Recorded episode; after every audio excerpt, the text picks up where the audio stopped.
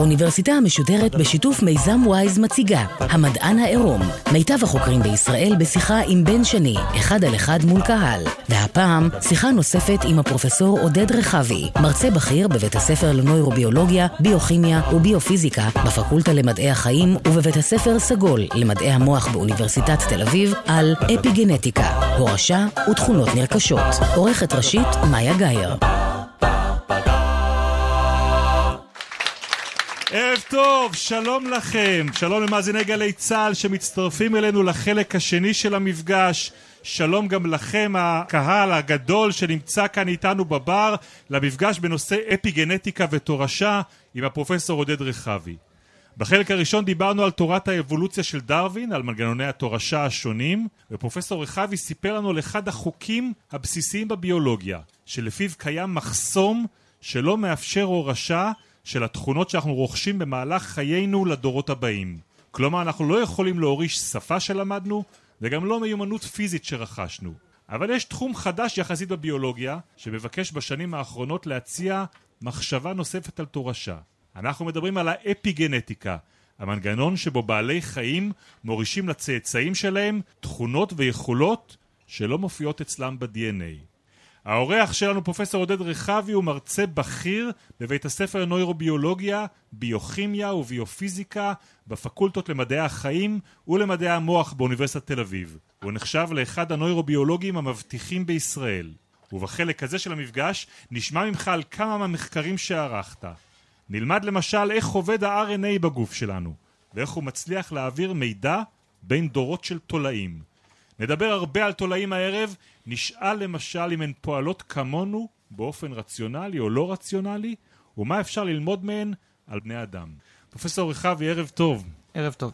אני רוצה שנדבר רגע על התחום הזה של אפיגנטיקה, אמרנו שזה מחקר שהוא הופך להיות שם חם מאוד בשנים האחרונות, חוזר לדפוסים קודמים שחשבו עליהם אבל לא מצאו עליהם שום הוכחה בביולוגיה והיום מוצאים הוכחה בביולוגיה על מה אנחנו מורישים לדורות הבאים שלא נמצא ב-DNA מה הגביע הקדוש של חוקר בתחום האפיגנטיקה? למזלי יש כמה גביעים קדושים.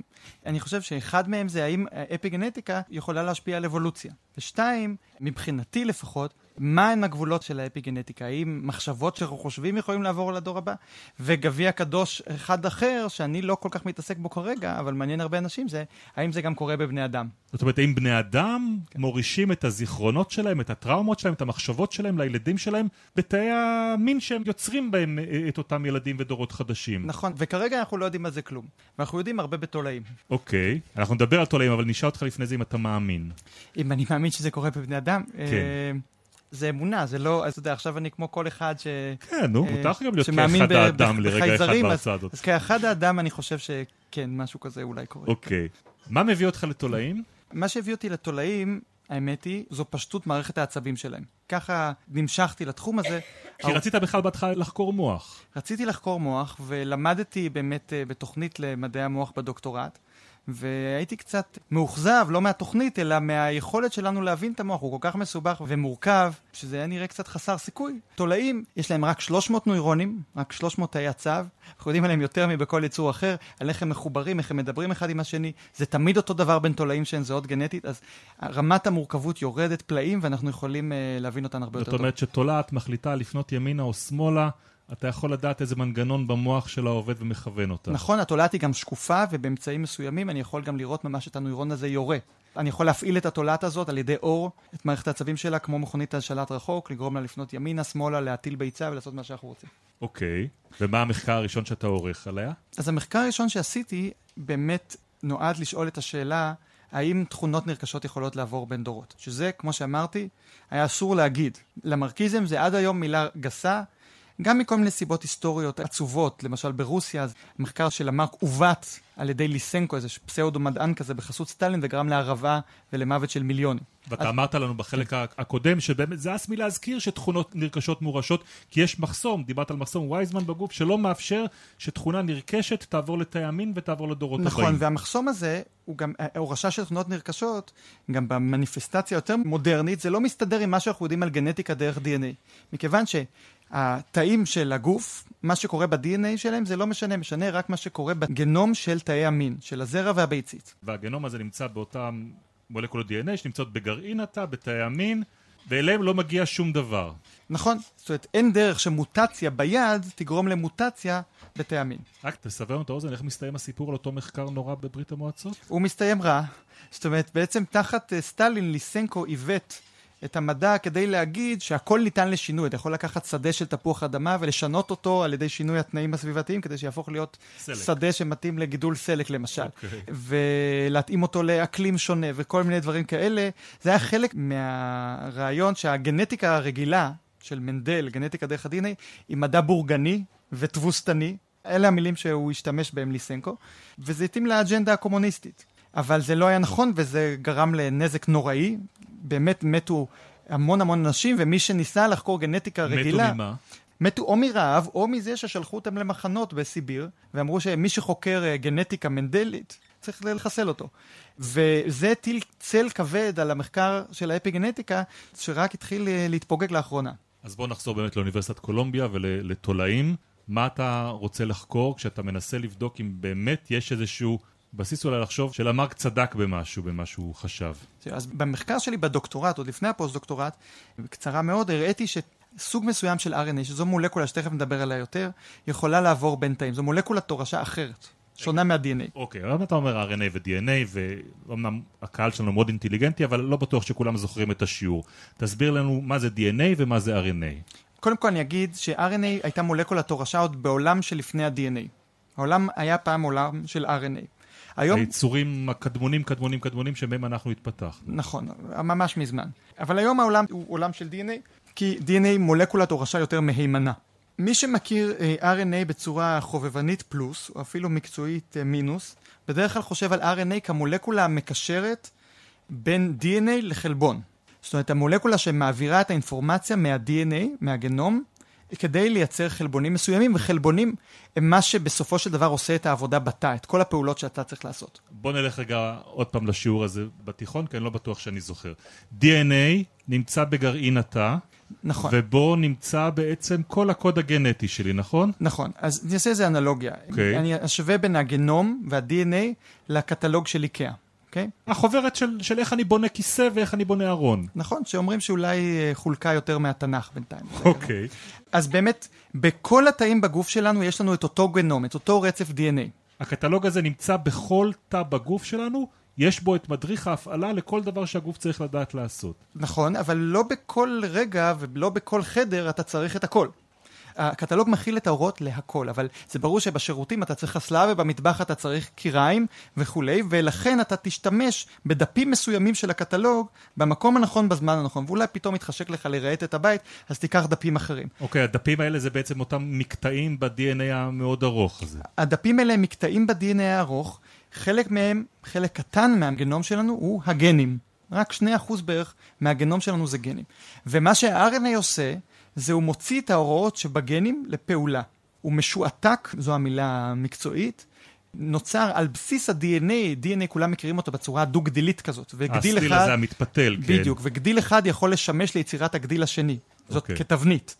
אז כל גדיל יכול גם לשמש כתבנית לשעתוק של RNA. אז תמשיך לי את האנלוגיה, אם כן. אנחנו מדברים עכשיו על ה-DNA שנמצא לצורך העניין בתוך תא בעין שלי... אז, אז בעין אתה צריך חלבונים אחרים, הם אלה שעושים את הפעולות, מאשר בכבד.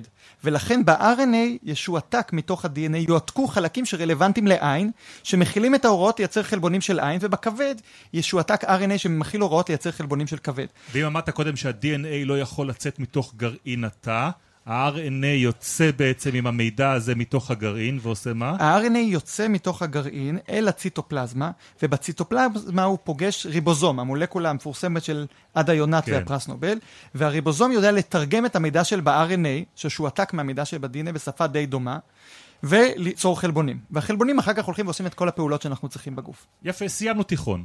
כן. עכשיו בוא נחזור לפוסט-דוק. אוקיי. אתה רוצה לבדוק את ה-RNA. נכון. עכשיו, ה-RNA שאני הראיתי שעובר בין תאים של בני אדם במצבים מסוימים, לא כל הזמן, אלא בסיטואציות שלא ניכנס אליהם עכשיו, יודע גם לעבור בין תאים בתולעת. וה-RNA הזה הוא סוג של RNA מסוים שנקרא small RNA, זו RNA קטנים. פשוט מקטעים קצרים של RNA שלא מכילים הוראות לייצור של גנים. ה-RNA שמכיל הוראות לייצור של גנים נקרא RNA שליח, או והוא מסנג'ר RNA. גדול יותר. הוא גדול יותר ויש לו תפקידים אחרים. ה-RNA הקטנים, מה שהם עושים, זה הקטע הכי טכני בשיחה. אז אבל אם הבנתם את זה, הבנתם אם הכל. הבנתם את זה, וגם אם לא, אנחנו נסתדר. אוקיי. אז ה-RNA הקטנים, מה שהם עושים זה לבקר את הפעולה של ה-RNA השליח. זאת אומרת, ה-RNA הקטן הזה יודע למצוא RNA שליח ופשוט להשמיד אותו. להוביל לקציצה שלו וחיסול שלו. אבל למה הוא צריך להשמיד אותו אם יש עליו את כל המידע של איך האיבר הזה עובד? אז זה חלק ממגוון של, יש הרבה מנגנונים שהמטרה שלהם לשלוט באיזה גן יפעל, באיזה זמן, באיזה מקום. ואנחנו צריכים להשיג דיוק מאוד מאוד גבוה בבקרה הזאת. היכולת שלנו לבקר את הביטוי של גנים זה מה שמבדיל בין אחד לשני, ובין, למשל, אנחנו די דומים לקופים מבחינת הגנום שלנו, אנחנו גם די שונים, כי אנחנו משתמשים אחר בגנום שלנו. לנו יש בערך 20,500 גנים בגנום שלנו, לתולעים יש 19,500, שזה די דומה. Okay, ואנחנו חושבים שאנחנו יותר מתוחכמים. לתירס יש 40 אלף גנים, אז אנחנו עדיין מאמינים שאנחנו יותר מתוחכמים. Okay. אז זה לא כמה גנים יש לך, זה איך אתה שולט בהם. ו-RNA קטנים יודעים לשלוט על פעולה של גנים, ועל זה קיבלו פרס נובל חוקרים של תולעים לא מזמן. אז אתה מתעניין באותו RNA קטן, נכון. ומוצא שמה הוא יודע לעשות. והתיאוריה שלי הייתה ש-RNA קטנים יכולים אולי, בגלל שהם יכולים לעבור בין תאים, לחצות את מחסום וייזמן, לעבור מתאי הגוף לתאי המין, ולהעביר תכונות בתור רשע. עכשיו, בשלב ההוא לא ידעו האם מולקולות של RNA קטנות מעורבות בקידוד של איזשהו זיכרון. מה שידוע על RNA קטנים, זה שזה מנגנון הגנה נגד וירוסים. רגע, אני רוצה שנתמקד בעניין הזה. אם אתה תצליח להוכיח במחקר שלך שה-RNA הקטן שיוצא מהגרעין עובר את אותו מחסום שטענו שהוא בלתי ניתן למעבר עם אינפורמציה חדשה אל תאי המין ועובר לדורות הבאים, הוכחת הורשה של תכונה נרכשת. נכון, זה מפחיד להגיד את זה, אבל זה בדיוק מה שזה, נכון? אוקיי. אז כמו שהתחלתי להגיד, בשלב הזה לא ידעו באיזה זיכרון מעורב RNA קטן, אבל ידעו שה-RNA הקטנים האלה משמשים כהגנה כנגד וירוסים. אוקיי? וגם קיבלו פרס נובל בתולעים על פענוח המנגנון שבו RNA קטן יודע להשמיד גנים. התולעת מופלאה מהרבה סיבות, אחת מהן נוספת זה שהיא עמידה לחלוטין לכל הווירוסים. וירוסים הם אלופי העולם בלהדביק, והתולעת C אלגנס מוגנת לחלוטין מכל הווירוסים. הווירוסים יכולים להדביק רק תולעת שפגומה במערכת ה-RNA הקטנים האלה שלה. אוקיי? Okay? אוקיי. עכשיו, הרעיון שהיה לי הוא שאולי כשמדביקים תולעת בווירוס, היא מייצרת נגדו RNA קטנים כדי לקצוץ אותו ולהשמיד אותו ולהגן על התולעת. ואולי ה-RNA הקטנים האלה, מכיוון שהם יודעים לעבור בין תאים, יכולים לעבור גם אל הדורות הבאים ולחסן אותם. זאת אומרת, ייצרת מראש תולעת תפוקה, היא למדה להתמודד עם הווירוס, והדורות הבאים שלה כבר יכילו גנום שלם שיודע כמעט, להתמודד כמעט. אוקיי. טיפה אחרת, לקחתי תולעת שיודעת להכין RNA קטנים. הדבקתי אותה בווירוס, היא ייצרה RNA קטנים נגד הווירוס והשמידה אותו. ואז ניטרלתי בצאצאים שלה את מערכת הייצור של ה-RNA הקטנים. אז הדורות הבאים אמורים להיות פגיעים להדבקה נוספת בווירוס, כי אין להם RNA קטנים. אלא אם כן הם ירשו את ה-RNA הקטנים מההורים שלהם, ולכן נולדו כבר מחוסנים. וזה מה שקרה. עשרות דורות של תולעים מחוסנים מפני הווירוס. כל שלושה ימים נולדת תולעת חדשה, מחוסנת. נכון, ובעזרת הניסוי הזה יכולנו גם להבין מה המנגנון, איך ה-RNA הקטנים עוברים לדור הבא, למה הם לא מדלדלים, איך הם מחסלים את המטרות שלהם, ואחר כך להרחיב את זה גם מעבר לווירוסים, לבקרה על הרבה תכונות בין דורות. סלח לי על ההתלהבות הילדותית, אבל זה נשמע פורץ דרך הדבר הזה. גם אני רוצה להאמין שזה פורץ דרך. כן. וזה זה מחזיק מעמד? זאת אומרת, מעכשיו, לקץ הדורות, התולעים שייוולדו עם uh, אותם RNA קטנים יהיו עמידות בפני וירוסים? אז לא. בדרך כלל, למרות שיש יוצאים מן הכלל, בדרך כלל האפקט המורש מפסיק אחרי בין שלושה עד חמישה דורות. והרבה אנשים התחילו לראות את זה, ואפילו זוכה פרס נובל, אנדרו פייר, זה שגילה איך ה-RNA הקטנים האלה עובדים, קרא למשך הזמן המוזר הזה, צוואר הבקבוק להורשה האפיגנטית. למה? כי זה, זה מדלל? זה אחרי כמה דורות נעלם ו- ונספג בתוך הגוף? או שזה משהו אחר? אז באמת זו הייתה המחשבה הראשונה, זה טבעי לחשוב שזה מדלל, שמה, אבל... שאם יש להורים שלי לאבא עיניים כחולות ולי עיניים חומות, אז... אה, אז באמת חשבו... זה יהיה לי פחות כחול בדור הבא? ככה חשבו עד שגילו את, את מנדל ואת חוקי ההורשה, חשבו שזה כמו שני פחי צבע שמערבבים ומקבלים את הממוצע. וזה הטריד את דרווין, כי אם זה היה נכון, תיאוריית האבולוציה שלו לא יכלה לעבוד. המספרים לא היו מסתדרים, וזה סיפור אחר. אבל גם חשבו באמת כולם שה-RNA שמיוצר אצל ההורים הולך ומדלדל עד שהוא נגמר אחרי שלושה עד חמישה דורות, ולכן זה מפסיק. אנחנו ידענו שזה לא יכול להיות, מכיוון שסיפרתי לכם בהתחלה שכל תולעת מייצרת בערך 250 צאצאים. אז הדילול הוא אדיר. אחרי ארבעה דורות זה 250 כפול 250 כפול 250 כפול 250, זה יוצא בערך 4 מיליארד, שזה דילול לגמרי הומאופתי ובחיים לא יכול לקרות. זאת אומרת, אם זה היה באמת מדלל, אז זה היה נעלם אחרי שניים, שלושה דורות. נכון. ושקט, אז מה, מה קורה פה? אנחנו גילינו שיש מנגנון של הכפלה, שכפול של ה-RNA המורשים בכל דור. כמו ש-DNA, הסוד ליכולת שלו להיות החומר המורש, זה ששני הגדילים משמשים תבנית לייצ... לייצור גדילים חדשים, ולכן אפשר להעתיק אותו בלי סוף, לשכפל אותו בלי סוף. באותה צורה גילינו שיש מנגנון שכפול אחר לחלוטין, פועל בדרך אחרת, שמשכפל את ה-RNA המורשים בכל דור כדי שהם לא יידלדלו. והסיבה שהאפקט מפסיק אחרי כמה דורות, זה שיש מערכת מבוקרת, מורכבת, שהתפתחה באבולוציה, שהתקיילה, קוילה, כדי להפסיק את ההורשה אחרי מספר דורות. אז שעון שאומר אחרי חמישה דורות, תפסיקו להיות חסינות בפני וירוס, לא צריך יותר את החיסון? בדיוק. אנחנו קראנו לזה שעון העצר הבין-דורי, וגילינו את הגנים שמקודדים למרכיבי השעון, קראנו להם גנים שמותק. מותק? מותק זה ראשי תיבות של Modified Transgenerational Epigenetic Kinetics. אוקיי. קצת כפינו את הקיצור. בדיחה ישראלית. כשהרוויורס לא, השופטים לא יודעים עברית, אז זה עבר. אוקיי. אבל המותק הזה זה שעון ביולוגי שבמשך חמישה דורות לא צריך יותר לחסן תולעת בפני וירוסים. מה ההיגיון? למה אם יש להם כבר מנגנון חיסון לא ימשיכו עד קץ הדורות להיות מחוסנות בפני הווירוס? נכון, אז בצורה תקינה זה משך ההורשה של המנגנון. גילינו שכשהם מפסיקים או מתערבים בדרך הפעולה של הגנים האלה, עכשיו ההורשה יכולה להמשיך לנצח. או יש לה משכי זמן שונים, אנחנו יודעים לכוון את השעון עכשיו. אבל כנראה שהזמן הזה, שהוא דרך אגב טיפיקלי, אופייני, לתכונות מורשות מסוימות, אבל אולי לא לכל התכונות מורשות. יכול להיות שיש תכונות מורשות ששווה לשמור ליותר זמן, או לפחות זמן. אבל uh, אנחנו לא יודעים למה זה מתאים באקולוגיה של התולעת. למשל, גילינו, ונדבר על זה תכף, אני חושב, כשמרהיבים תולעים זה יוצר תגובה מורשת. יכול להיות שכשתולעת פוגשת תפוח, ואז אם נוצרות עוד תולעים ומתחילות לאכול את התפוח, לוקח להם בערך שלושה עד חמישה דורות לאכול את התפוח, ואז הן עוד פעם מורעבות. ושווה להכין את הדורות הבאים רק לסביבות שיהיו רלוונטיות אליהן. אם אתה מכין אותם... מה זאת אומרת שווה? הכוונה בשווה זה נברר על ידי האבולוציה, על ידי ברירה טבעית, נבררו אלה שיודעות להוריש למשך הזמן הזה. אבל למשל, בבני אדם, אם אני הייתי מוריש את הידע לדבר אה, עברית, והבן שלי היה עובר לגור, או הבת שלי, יש לי בת, לא, שתי בנות, לא בן, אבל הייתה עוברת לגור בסין, זה לא היה עוזר לה הרבה. אוקיי. Okay. לתולעים, הן לא הולכות כל כך רחוק, כי הן קטנות, וזמן הדור שלהם מאוד קצר. לכן הסיכוי שהסביבה של הדור הבא תהיה דומה לסביבה של ההורים היא גבוהה. ויכול להיות שזה חלק מהגורמים שמכתיבים את משך ההורשה. הזכרת כאן איזה משהו, וגם דיברת על זה קודם, שבאמת רוב הניסויים בתחום האלה, לבצע אותם על בני אדם יהיה לא מוסרי. מה אתה יכול לנצל בעובדה שבאמת מתולעים, סלחו לנו התולעים, לא כך אכפת לנו לעשות חלק מהדברים שלא היינו מעלים על הדעת לעשות בבני אדם, מה אפשר לעשות בהם ולמדוד תופעות שאולי ילמדו אותנו משהו עלינו, על בני אנוש? אז המוטיבציה שלי לחקור הרבה ואת האפקטים האפשריים, מורשים שלה, הייתה מחקר מאוד מפורסם בבני אדם. אולי המחקר האפידמיולוגי הכי גדול על אפי-גנטיקה והורשה בין-דורית. ומה שראו, חקרו את הצאצאים של אנשים שבמהלך מלחמת העולם השנייה הורעבו על ידי הנאצים. זאת אומרת, הנאצים צרו על חלקים גדולים של הולנד, ואנשים שם לא אכלו יותר מ-800 קלוריות ביום במשך בערך חצי שנה. ואחר כך היה רישום מאוד מסודר של מי היו האנשים האלה, וראו שהצאצאים של המעורבים, הילדים וגם הנכדים, שונים מצאצאים שלא עורבו.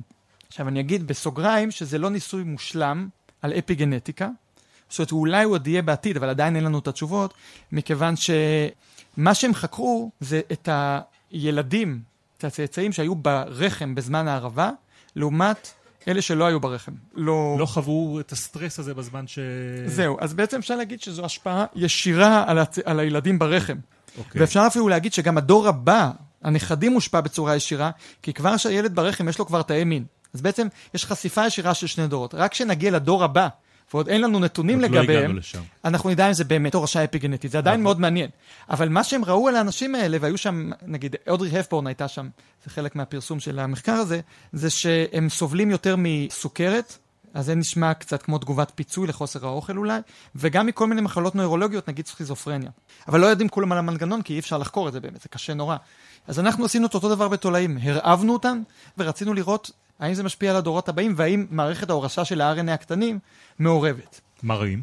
אז רואים שה-RNA הקטנים של הצאצאים משקפים את השינויים ב-RNA הקטנים של ההורים, וזה ממשיך הרבה דורות קדימה. ה-RNA הקטנים שולטים על הפעולה של גנים שקשורים לתזונה, ומשפיעים על הפיזיולוגיה של התולעים, על, ה, על החיים שלהם, כלומר, בין השאר גורמים להם לחיות הרבה יותר, מאריכים את משך החיים שלהם פי אחד מה, וחצי. מה, מה אתה עושה ומה אתה רואה אחר כך, איך אתה מנהל ניסוי כזה? אז אני לוקח תולעים שבאו מאותה האימא, הן זהות גנטית לחלוטין, וקבוצה אחת גדלה על צלחת עם חיידקים, שזה האוכל שלהם, וקבוצה אחת בלי חיידקים.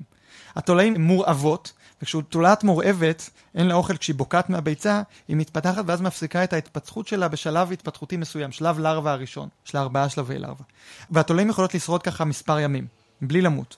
אנחנו אחרי שישה ימים, שזה שלב שאף אחת מהתולעים לא מתה, מעבירים את התולעים בשתי הקבוצות עוד פעם לצלחת עם אוכל. ואחר כך מסתכלים מה קורה לצאצאים שלהם, שתמיד יש להם אוכל בשפע. והצאצאים, גם שלושה דורות קדימה, גם הנינים של התולעים שהורעבו, של התולעים שהורעבו, הם שונים מהנינים של התולעים שאכלו כמו שצריך. ואנחנו לא נחשוד בתולעים שהם אמרו להם תגמור מהצלחת או משהו כזה, פשוט נולדו עם איזשהו מנגנון ביולוגי ו- שאומר להם, ופשוט שמנו את התולעים. בא- באקונומיקה והרגנו את ההורים, לא נעים להגיד. אז אה, אין הורים שיעבירו את זה באיזה צורה חברתית. התולעים האלה שונות אחת מהשנייה בכל מיני דברים, בין השאר יש להם תוחלת חיים פי אחת וחצי יותר ארוכה, אם הורעבו הסבא וסבתא שלהם. ואנשים אחרים במחקרי המשך הראו שהתולעים האלה גם עמידות להרעבות נוספות יותר חריפות. זאת אומרת, אם מותחים את משך ההרעבה לתקופה שכבר הורגת תולעים, חלק שורדות וחלק לא, אז התולעים שבאו משושלת של מורעבות שורדות יותר טוב. שזה נשמע כבר משהו אדפטיבי, כאילו זה הכין אותם לקשיים שהדורות הקודמים התמודדו איתם. אתה מצליח לזהות RNA קטנים שעשו שינוי. ואז אנחנו יכולים ממש לרצף את ה-RNA, לאפיין אותו, ה-RNA המורש בצורה כימית, ולראות אותו כמו שקוראים מרצפים רצף של DNA. טוב, שתי הדוגמאות האלה שנתת, גם של הרעב וגם של ההתמודדות עם הווירוס, הן נשמעות לי, אם אני הולך לאנלוגיה כלפי בני אדם, מהעולם הפיזיולוגי. אבל יש איזה שהם ניסויים שאתה יכול לעשות על התולעים, שילמדו אותך גם כן משהו ויקרבו אותך לאותו גביע קדוש שדיברנו עליו בהתחלה, אל משהו שהוא יותר קשור למערכת העצבים, לאופן שבו הן חושבות או פועלות? זה אז בדרך כלל כשחושבים על זיכרון, חושבים על זיכרון שמקודד במוח. ומערכת העצבים מיוחדת ביכולת שלה לסנטז אינפורמציה, לחבר אותו, לעשות חישובים, לצפות את העתיד, כל מיני דברים כאלה, והיא שונה ביכולת הזאת מכל איבר אחר בגוף. לכן זיכרון של המוח הוא הכי מעניין, באמת גביע קדוש. וכמו שאמרת, הניסויים שעושים הכי כותרות זה ניסויים שבהם אומרים שטראומה עוברת בתור השעה ודברים כאלה. לכן אנחנו רצינו לבדוק את זה, אבל הדרך שלנו לבדוק את זה הייתה דרך מאוד טכנית, מולקולרית. ניסינו להיות כמה שפחות סנסציונים, לפחות בניסויים הראשונים שלנו, אחר כך נהיה יותר. אבל מה שאנחנו עשינו, זה לקחנו תולעים וגרמנו להם לייצר RNA קטנים רק במערכת העצבים. ואחר כך נתנו להם לייצר דורות באים, להוליד ילדים, ובדורות הבאים ניטרלנו כל יכולת של התולעת הזאת לייצר RNA קטנים. ומה שראינו שגם בתולעים שאין להם יכולת לייצר RNA קטנים משלהם, מהסוג המסוים הזה, אפשר למצוא RNA קטנים שנוצרו בדורות הבאים. כלומר, שנבעו משינויים ב-RNA הקטנים של מערכת העצבים. אז יש הורשה של תכונות שנובעת מפעילות של מערכת העצבים של הדורות הקודמים. עכשיו, יותר מזה, יכולנו ממש לחקור את ה-RNA הקטנים האלה, לראות על איזה גנים הם מבקרים ושולטים. גילינו גנים שנשלטים בין דורות, כמה דורות קדימה, וגנים שמשפיעים על התנהגות. ספציפית על היכולת של התולעת לחפש אוכל. תולעת, כל מה שהיא רוצה לעשות בחיים, או רוב מה שהיא רוצה לעשות בחיים, זה להריח ולחפש אוכל. וראינו שהתולעים יודעות למצוא אוכל בעזרת חוש הריח שלהם, רק אם הדורות הקודמים יצרו את ה-RNA כמו שצריך במערכת העצבים שלהם. הזכרנו בהתחלה ניסוי שנשמע כאילו לקוח מעולם הפסיכולוגיה לתולעים. איך חוקרים דברים אה, שקשורים באמת לעולמות ש, שלכאורה אין שום קשר ביניהם ובין תולעת? זהו, אז מערכת העצבים של התולעת, בצורה מפתיעה, היא מודל טוב לחקור הרבה דברים שלפעמים נשמעים תופעות כמעט ייחודיות לבני אדם. למשל, במחקר שערכנו לאחרונה עם אה, דוקטור דינו לוי מבית ספר לניהול, שהוא נוירו-אקונומיסט, הוא חוקר כלכלה ואת הבסיס המוחי של התנהגויות כלכליות. בבני אדם. בבני אדם. אז uh, רצינו לראות האם גם התולעים מתנהגות רציונלית או לא, מבחינה כלכלית. אוקיי? אוקיי. והיופי זה שאפשר להבין תולעים. זאת אומרת, אפשר ממש לראות איך המוח שלהם עושה משהו, מערכת העצבים שלהם. אוקיי, בניגוד למה שהשמצת קודם את מי שמנסה לעשות את זה על המוח האנושי. נכון, ועכשיו אני אתנצל ואני אגיד, יש דברים שטוב לחקור בבני אדם, אבל, אבל יש דברים שמאוד קשה. למשל, אה, זיכרון, דבר נורא קשה לחקור אצל בני אדם, את הבסיס הביולוגי שלו. עכשיו, איך אפשר לחקור התנהגות רציונלית מבחינה כלכלית בתולעים? קודם כל נגיד מה זה התנהגות רציונלית ולא רציונלית מבחינה כלכלית, כי רציונליות זה נשמע מושג כזה וייג, כזה לא, לא ברור. בני אדם לא מתנהגים בצורה רציונלית מבחינת קבלת ההחלטות שלהם. לא קונסיסטנטית ולא בצורה שממקסמת את הערך של מה שהם ירוויחו. ויש לזה המון דוגמאות. אחר כך הראו את, את אותם דברים גם בחיות אחרות, כמו דבורים וציפורים, ואפילו אמבות, אבל מאוד קשה לחקור למה זה באמת קורה במוח. אז למשל, דוגמה אחת להתנהגות אי-רציונלית, שגם הם חקרו, היא העובדה שאם יש לך יחס העדפה מסוים בין שני דברים, למשל, אתה מעדיף תפוחים על אגסים. אוקיי. ויותר טעים לך תפוח מאגס, אוקיי? כן. וזה מה שאתה חושב שאתה מאמין בו. ואני נותן לך לבחור בין תפוח לאגס, אתה בוחר בתפוח. תפוח. אוקיי? מסתבר שלפעמים אם אני מוסיף אופציה שלישית, למשל תפוז, או, זה יגרום לך לשנות את יחס העדפה המקורי שלך בין תפוחים לאגסים. פתאום תעדיף את האגס. זה לא נשמע הגיוני וזה לא נשמע טוב, אוקיי. אבל זה קורה וזה מנוצל למשל בתפריטים של מסעדות או ברים, שמים משהו נורא יקר או נורא זול כדי לבלבל אותך. אוקיי. וזאת עובדה. ולמה זה קורה? מתווכחים הרבה ויש הרבה הסברים. בדרך כלל, או לפחות בחלק מהמקרים, שולפים כדי להסביר את זה, למשל רגשות, חרטה, או כל מיני מנגנונים גבוהים של המוח, שאין לתולעים. לא מאמין שתולעת מתחרטת, נגיד. אולי, לא יודע. אבל איך אתה אבל- גורם לתולעת לבחור בין תפוח לאגס, ומה קורה אם מגיע תפוז? אז אני אפילו עושה את זה יותר פשוט. מה שאני עושה, זה אני נותן לתולעת לבחור בין שני ריחות, שמונחים במקומות שונים על הצלחת, והיא צריכה ללכת אליהם ולהתקרב אליהם. אוקיי. אוקיי? והתולעת היא טובה מאוד בלהריח. יש לה 1,300 קולטנים לריחות שונים. אחוז הגנום שמוקדש לקולטנים הוא הכי גדול שיש, והיא מאוד טובה בזה, בלמצוא ריחות.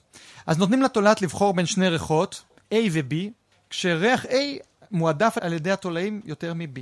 והתולעת משוכנעת שהיא יותר אוהבת את A מ-B. אבל אז מציבים אותה גם בפני הבחירה של C, ריח פחות טוב, שלישי. ורואים האם זה משנה את יחס העדפה שלה בין A ל-B, בדיוק כמו בבני אדם. הדבר הראשון שגילינו שעשינו את הניסויים האלה, והסטודנט שעבד על זה בזמנו, הוא דרור כהן, זה שהתולעת רציונלית מאוד, היא לא מתבלבלת. היה קשה מאוד לבלבל אותה. אבל אחרי שניסינו המון המון המון ריחות, מצאנו את המצבים שבהם התולעת נהיית לא רציונלית. הכוח של התולעת, בניגוד לבני אדם, זה שיכולנו להגיד איך זה קורה. אז הריחות שנתנו לתולעת להריח היו מאוד מסוימים. למשל, בחרנו ריח A מסוים, שאנחנו יודעים שהוא נקלט על ידי נוירון סנסורי אחד, בודד, שאנחנו מכירים. ונתנו לה ריח B אחר, שהוא נקלט על ידי נוירון סנסורי אחר. אז אנחנו יודעים בדיוק איך זה עובד במערכת העצבים שלה. ואז נתנו לה ריח C שאמור לבלבל אותה, שנקלט על ידי איזה נוירונים שאנחנו רוצים. וראינו שרק במצבים מאוד מסוימים התולעת מתבלבלת, והבנו בדיוק מתי. היא מתבלבלת כשהנוירונים שמריחים את C חופפים יותר עם הנוירונים שמריחים את A מאשר עם הנוירונים שמריחים את B. מה זאת אומרת חופפים? זאת אומרת שעכשיו אותו נוירון עובד כפול, הוא מנסה להריח גם את A וגם את C. נוצר פשוט קצר, או איזשהו overlap שמכביד על הנוירון, ואז התולעת מתנהגת לא רציונלית. זאת אומרת, היא לא מתנהגת לא רציונלית בגלל רגשות או משהו כזה, אלא פשוט בגלל מגבלות בסיסיות של איך נוירונים עובדים. אז מה אתה רוצה להגיד לי בעצם, שאם אני הולך עכשיו לנסות לה- להשליך את התיאוריה הזאת על האופן שבו אני פועל, זה ביולוגיה לחלוטין? זה לא ש- קשור לרגשות, לדעות קדומות, לשום דבר אחר שפועל אצלי בראש? אז אני לא יודע, אבל מה שאני יודע זה שהמודל המתמטי שמסביר איך נוירונים יורים ולמה האי-רציונליות הזאת מתרחשת בתולעים, אנחנו ביססנו אותו בדיוק על המודל המתמטי שמסביר למה חלק מהאשליות הוויזואליות מתרחשות. זאת אומרת שאותו הסבר חישובי של איך נוירונים יורים, מסביר למה אשליות של ראייה קורות, ולמה אשליות של בחירה קורות.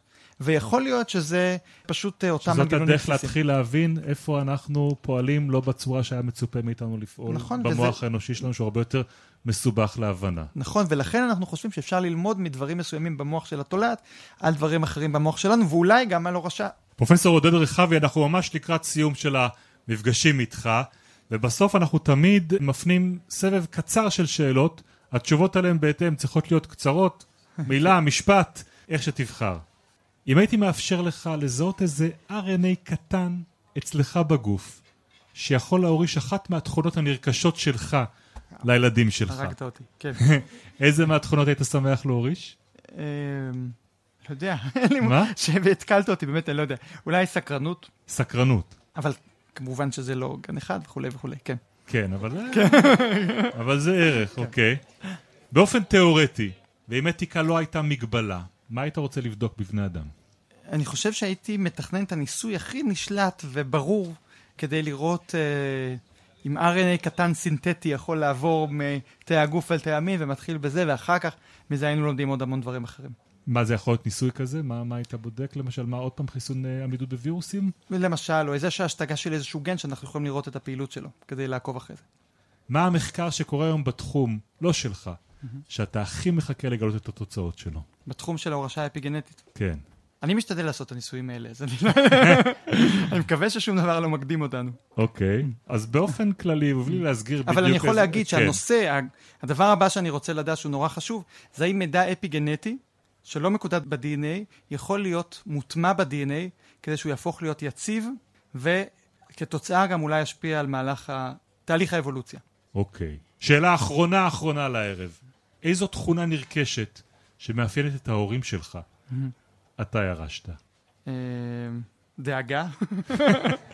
כמה צפוי. פרופסור עודד רכבי, תודה רבה רבה לך. תודה גם לשותפים שלנו במדען העירום, החברים ממיזם וויז, תודה לבר הדייזי פרישדון בתל אביב שאירח אותנו כאן הערב. אנחנו מזמינים אתכם שמאזינים לנו לקחת חלק במפגשים האלה. כל הפרטים נמצאים בפייסבוק של וויז ושל האוניברסיטה המשודרת. אז עד הפעם הבאה, אני בן שני מאחל לכם לילה טוב.